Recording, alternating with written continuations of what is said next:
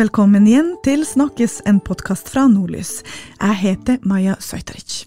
For tre år siden oppsøkte Vilde sjøl barnevernet i Tromsø. Hun ba om hjelp til å flytte. På de tre årene som har gått siden, har Vilde blitt flytta på ni ganger.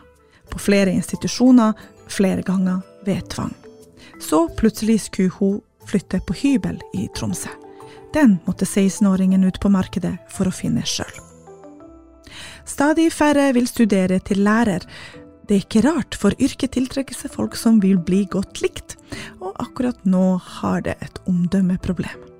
Flere jenter lar seg inspirere av influensere i sosiale medier til å kutte hormonprevensjon.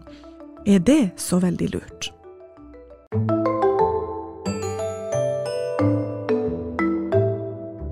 Da jeg satte fyr på institusjonen, var det ikke for å være slem, men det var ingen som hørte på meg. Ordene tilhører Vilde, hun er 16 år. For tre år siden tok hun kontakt med barnevernet i Tromsø og ba om hjelp. Eh, det førte til at eh, Vilde i løpet av de siste tre årene har blitt flyttet ni ganger på forskjellige institusjoner, og har vært underlagt forskjellige omsorgsregimer. Nå er Vilde tilbake i Tromsø og har snakka med vår journalist Sissel Wessel Hansen, og uh, har møtt også vår fotograf Yngve Olsen. Hvem er Vilde, Sissel? Hun Vilde hun er på mange måter ei helt vanlig Tromsø-jente på 16 år, som har noen uvanlige erfaringer med seg. Hun ble mobba på barneskolen. Langt opp i skoleløpet så fikk hun diagnosen dysleksi. Og akkurat nå så skal hun utredes for ADHD. Um, så hun har hatt med seg i sitt skoleløp og i sin oppvekst noen um, utfordringer som har, vært, ja, gjort det litt vanskelig for henne. Så har hun opplevd at det har vært en del konflikt i familien. Og derfor tok hun kontakt med barnevernet? Hun vil ikke bo eh, hjemme lenger, nei. Men det jo, har jo da ført til flere tvangsflyttinger, veldig mange flyttinger i løpet av et år. Og det har også ført til at nå når hun Vilde kom tilbake til Tromsø, så ville hun snakke med oss. Hvorfor vil en 16 år gammel jente som åpenbart har en del utfordringer de andre ikke har, eh, snakke med en journalist i Nordlys? Vi ble jo kjent med hun eh, Vilde gjennom en reportasjeserie vi starta på nyåret i år, som heter Ung i Tromsø. Og det var der hun altså, hørte om oss og ble satt i kontakt med oss. Hun Vilde, når hun sier at jeg satt ikke fyr på den institusjonen uh, for å være slem, hun har jo opplevd veldig ofte, og gjennom de her tre årene i barnevernet, at det er ingen voksne som har hørt på henne. Hun fikk jo da en mulighet til å snakke med media, og hun ville veldig, veldig gjerne bli hørt. Hun ville ha sin stemme med i eh, det offentlige. Og En del av også hennes historie var jo at hun har vært underlagt en veldig uh, streng regime i den institusjonen hun var på nå sist. Det betyr at uh, hun knapt fikk lov til å gå ut sjøl, uten voksentilsyn. På den institusjonen hun var vel på Vestlandet et sted. Når hun kom tilbake til Tromsø, så fikk hun beskjed om at nei, nå er du på egen hånd, nå skal du finne deg en hybel sjøl. Er ikke det en stor kontrast? Det er en veldig stor kontrast til der hun har vært. Hun har vært på en institusjon for unge med alvorlige atferdsutfordringer. En veldig dyr, en svært dyr eh, institusjonsplassering. Det er to millioner kroner eller noe sånt i året? Jeg er litt usikker på beløpet, men det er det vi har fått oppgitt. Eh, Nå skal hun tilbake, og så er det sånn at i Tromsø så har ikke barnevernet eller noen et tilbud om hybeltrening, som jo egentlig var det hun ville da skulle over til. Så da måtte hun gå bo på hybel. Hun skulle få et visst beløp fra Tromsø kommune for å finne seg hybel sjøl.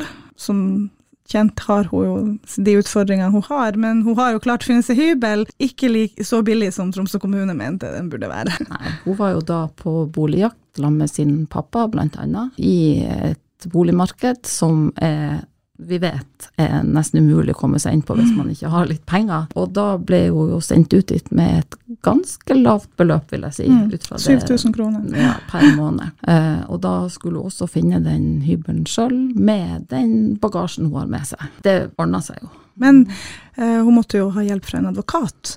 Og hennes advokat har jo også snakka med oss, og han sier jo at de her eh, sakene med ungdommer som flyttes så hyppig fra institusjon til institusjon, veldig, veldig vanlig og utrolig skadelig for de her unge. Hvorfor er de her flyttingene skadelige for unge mennesker? Advokaten hennes, eh, Troms-advokat Erik Ringberg, har jo jobba med barnevernssaker i flere tiår.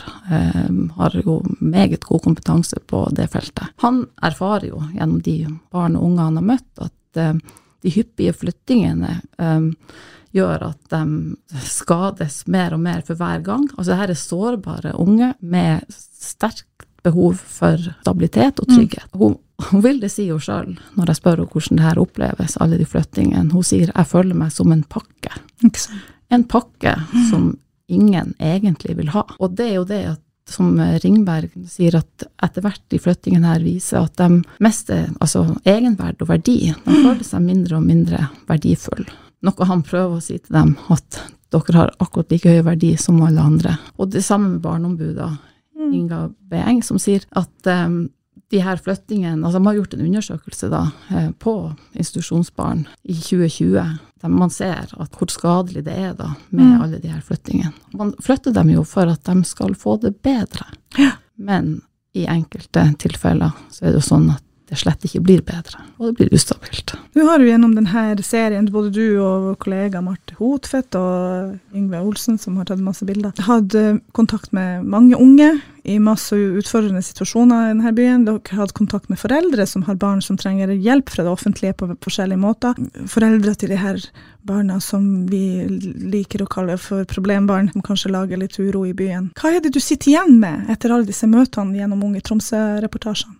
Jeg sitter igjen med Først og fremst er jeg veldig, veldig glad for at dem som står i det her, eh, ønsker å, å fortelle om hvordan det er. For det var det vi ønska med Unge Tromsø. Vi er veldig fæle å, å, snakke om disse, ikke minst i kommentarfeltet. Men her så var det foreldrene som tok kontakt med oss i utgangspunktet.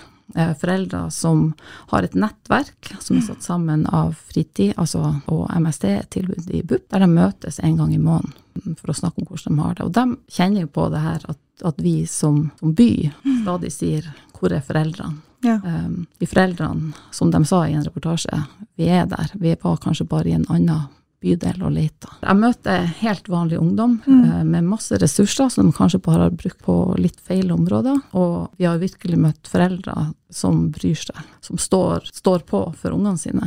Og så er det jo en sånn saying som er It takes a village to raise a child. Og det som man ser igjen i veldig mange av de historiene vi har møtt, det er jo at det er snakk om unge som kanskje ikke mestrer alle arenaene. Kanskje mestrer de ikke alt på skolen. Og det som jeg reflekterer rundt det, da, det er jo eh, som landsby er vi der. Altså i klasserommet. Har læreren de rammen man trenger for å gi god undervisning til alle. Når et barn med dysleksi eller en ADHD-diagnose kommer etter å ha stått månedsvis i kø på både PPT og BUP, kommer tilbake med et vedtak, har skolen de ressursene man trenger for å hjelpe dette barnet? Um, har vi nok fritidstilbud for dem som ikke har lyst til å springe etter en fotball? Jeg har glemt å si det her til deg, men du kan jo si det på podkast. Jeg traff jo i helga en jente som kom bort til meg og sa å, du jobber i Nordlys. Ja, de har jo vært og laga sak på meg, og Yngve har tatt bilde i den her Unge i Tromsø-reportasjerekken. Og hun var jo så utrolig stolt og glad, og en av de anonymiserte da, ungdommene, for å faktisk ha vært med i vår avis og fått lov til å fortelle sin historie. Ja, og jeg syns hun har all grunn til å være stolt sjøl for at hun har bidratt til å fortelle de her historiene som vi som by har behov for å høre. Hvor vanskelig har det vært å Altså, det er jo en del etiske overveiinger man må gjøre som journalist, og i tillegg så møter man jo litt, kanskje, ikke motstand, men barne, barnevernet har andre um, begrensninger på hvorvidt, hvor, hvor, ofte de kan uttale seg. Hvordan, hvordan, har det vært å jobbe frem de her sakene, um, og få den rette informasjonen til rett tid? Nå vil jeg jo si, Hvis vi går tilbake til hun flotte Vilde med mm. byens fineste øyne, så så syns jeg jo det var Da var det jo en del etiske dilemmaer vi sto i. Um, for um, Altså Barnevernet er underlagt taushetsplikt. Uh, hun vil det. Hun uh, ville oppheve taushetsplikten for dem, og gjorde det. Men da trumfa jo barnevernet med å si at vi vil ikke kommentere den konkrete saken, for vi vil beskytte Vilde og mm. andre som ikke har oppheva denne taushetsplikten. Det gjør jo at man nok en gang i en barnevernssak, vil jeg si, i min erfaring da som journalist, at man ikke får hele historien. Um, men så er det jo òg i de sakene, som òg med Vilde, det er jo mange ting i den historien som jeg som journalist må passe på. Um. Så det er ingen lett jobb. Det er ikke sånn at man bare slipper henne Vilde til, og, og, uten å gå mange runder. Det har vi gjort innad. Jeg har hatt flere redaktører til å lese gjennom historien. Jeg har, ja, har sikra meg at jeg liksom har fått hun ja, at hun vet hva hun gjør. Og det gjør hun. Altså, jeg har snakka med henne mange ganger. I utgangspunktet så var jo hun anonym. Men så, i seinere nå, så var hun sjøl sånn at nei, jeg vil ha ansiktet mitt der, og jeg vil ha navnet mitt der. det er jo veldig tøft. Jeg tror hun er mye mer ressurssterk enn hun kanskje gir seg sjøl kreditt. Ja, og så er hun jo unik, for hun forteller en historie der hun står midt i det. Sant? Veldig ofte når vi hører barnevernshistorier eh, som enten fortalt av eh, foreldre eller av voksne som ser tilbake på sin barndom. Hun vil det, hun flytta på hybel 1. mai. Hun, hun er i det nå. Så vi ønsker lykke til, da. Vi ønsker lykke til, og eh, hun er ei fantastisk jente.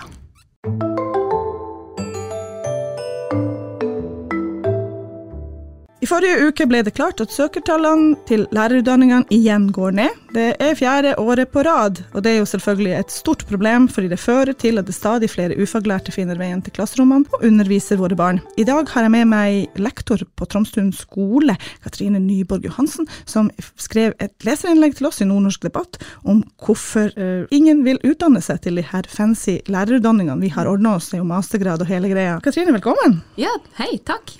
Du, du uh, som sagt er lektor på en ungdomsskole, uh, og så skrev du jo et leserinnlegg som het 'Tre grunner til at ingen vil bli lærer'. Ja.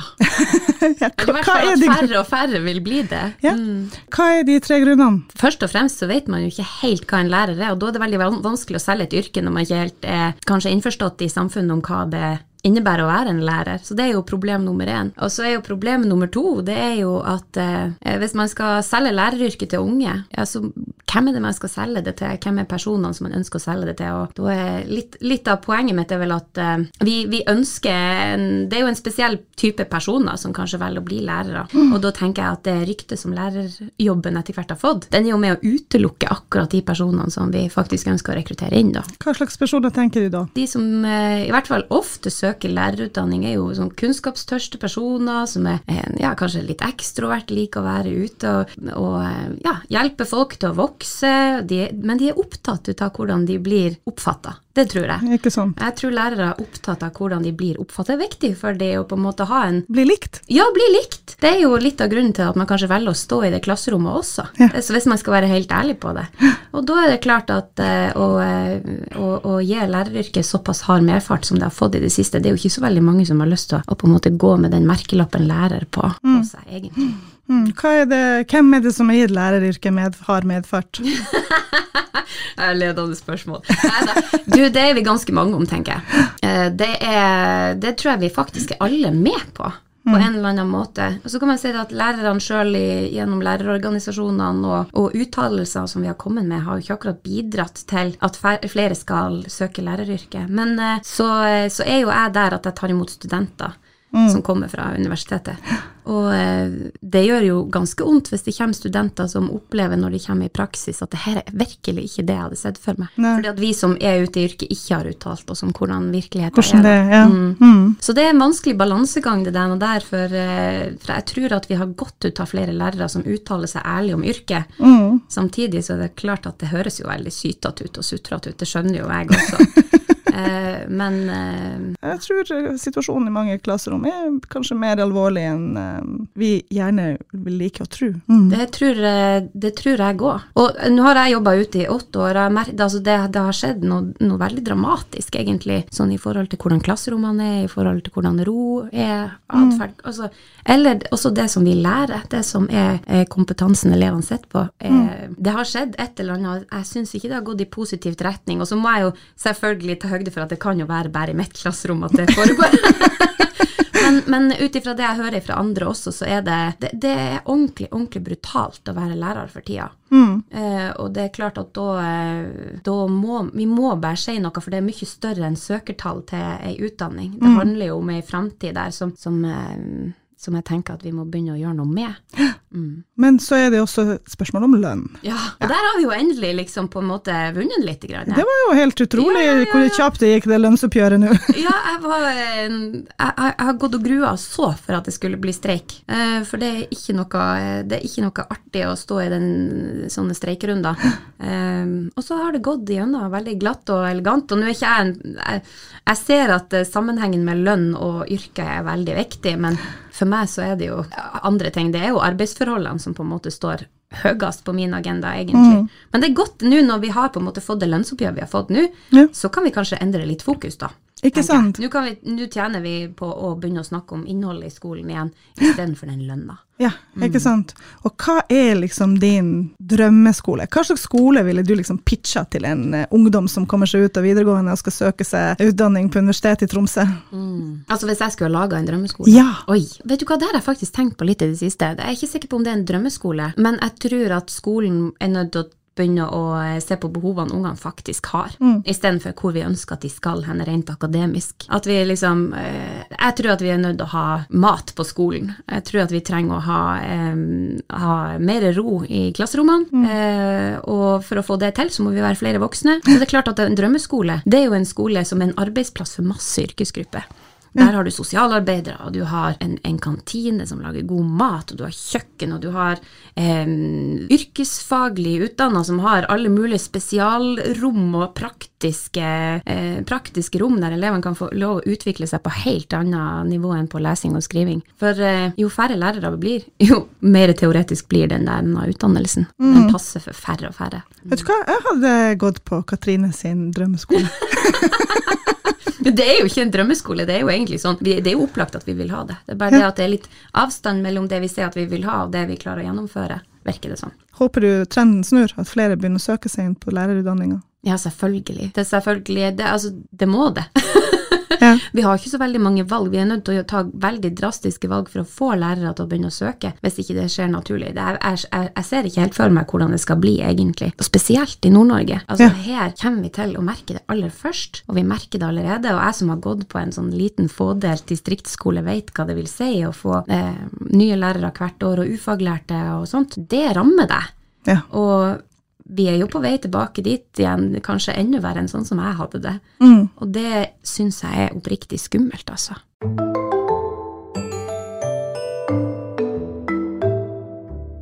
Hashtag no hormones er jo en voksende trend på sosiale medier, hvor unge kvinner, og også kanskje oss litt mer voksne, snakker om å kutte ut hormonprevensjon. Det har faktisk Helsestasjonen for ungdom i Tromsø også oppdaga er en trend, og vi har med oss i dag to helsesykepleiere fra helsestasjonen som skal fortelle litt om hvorfor kvinner i Tromsø velger bort hormonprevensjon. Merete Nypan, du er helsesykepleier.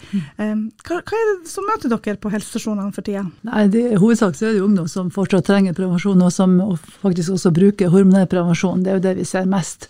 Men vi så en eh, liten økning i fjor på at eh, flere valgte la oss si kobberspiral, eh, og senere på høsten i fjor så fikk vi mer dette med at de kanskje ville slutte med sin faste prevensjon, eller at de ga uttrykk for at de var usikre på om den prevensjonen de brukte var trygg. Er den farlig, hormonprevensjon? Det er jo en medisin, så man skal selvfølgelig ikke underkjenne at det kan være bivirkninger knytta til det. Det er også en eh, blodproppfare, faktisk, hvis vi kan si det sånn, på enkelte preparater. Men hvis man da er frisk sjøl, og i det hele tatt det er ikke noe grunn til å tro at man skulle bli ramma av det, så er det jo en trygg eh, medisin å ta.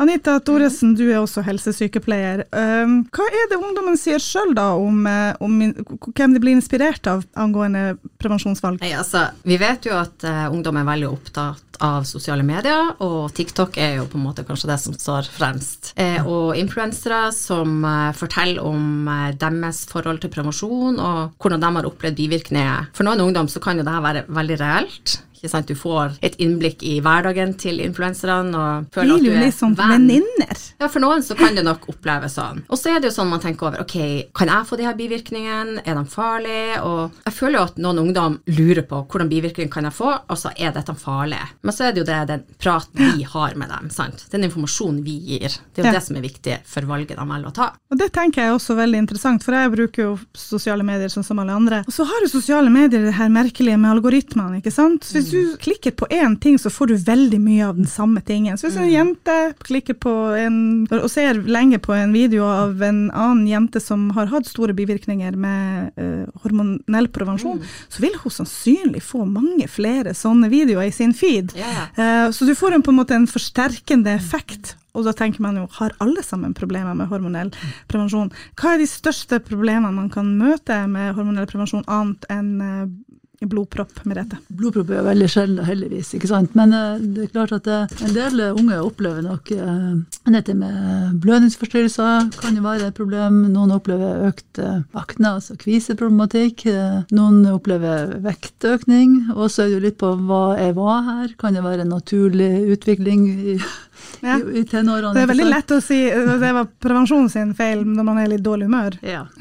Og dette med humør og nedstemthet. ikke sant? Og så, så skal man jo ikke underslå at det er jo Noen kan jo også få reelle bivirkninger ikke sant? som kan være knytta til det her. Så vi bruker jo å si at det her, vi bruker å vise dem et oversikt over hva som kan skje, og noen får noe av det her, ingen får alt, og mange merker ingenting. Man må på en måte prøve seg litt frem. Det er litt sånn det kan være. Veldig mange av disse som er veldig skeptiske til medisinske råd, kommer fra USA. Eh, og der har de kanskje ikke tilgang til like gode ungdoms- og seksualitetsveiledning som vi har i Norge. Mange har veldig sånn hjemmekokte løsninger på alt fra soppinfeksjoner i underlivet til eh, masse andre ting, fordi kanskje de ikke har råd til å gå til eh, en helsestasjon, eller en mulighet til å gå til en helsestasjon. Men i Norge er det jo ikke sånn. I Norge har vi helsesykepleiere.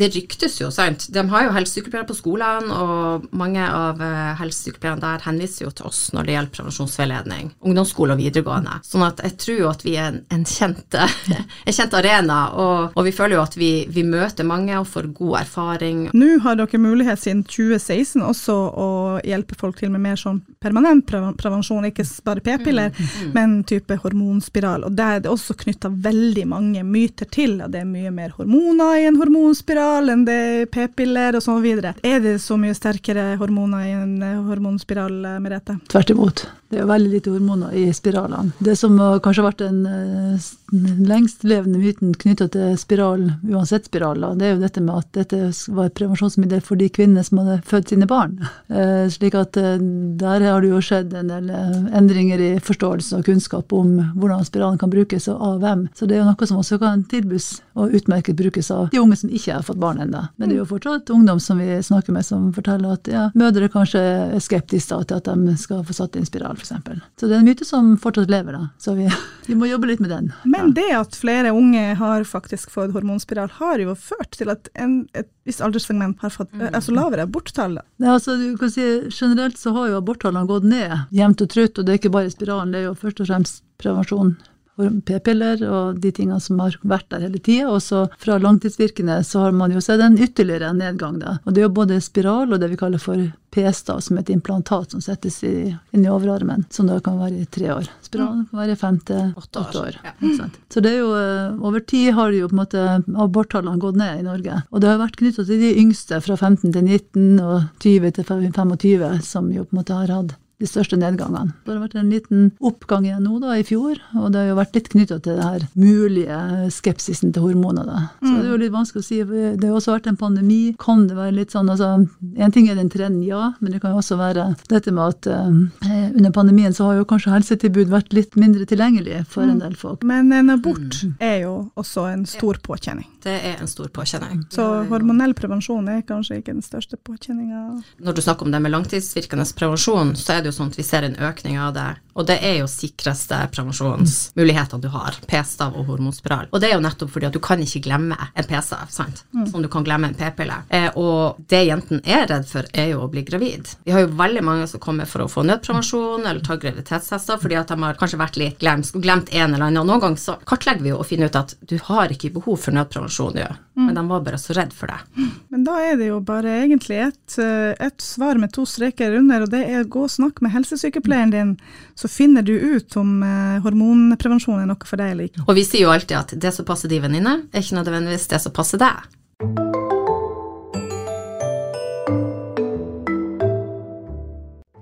Dette var vår femte episode. Tida flyr i godt selskap. Neste episode kan du få med deg neste uke. Og så kan du klikke på den lille følg-knappen på Apple Podcaster eller Spotify og få varsel om nye episoder. Vi høres snart. Har du et enkeltpersonforetak eller en liten bedrift? Da er du sikkert lei av å høre meg snakke om hvor enkelt det er med kvitteringer og bilag i fiken, så vi eh, gir oss her, vi. Fordi vi liker enkelt. Fiken superenkelt regnskap.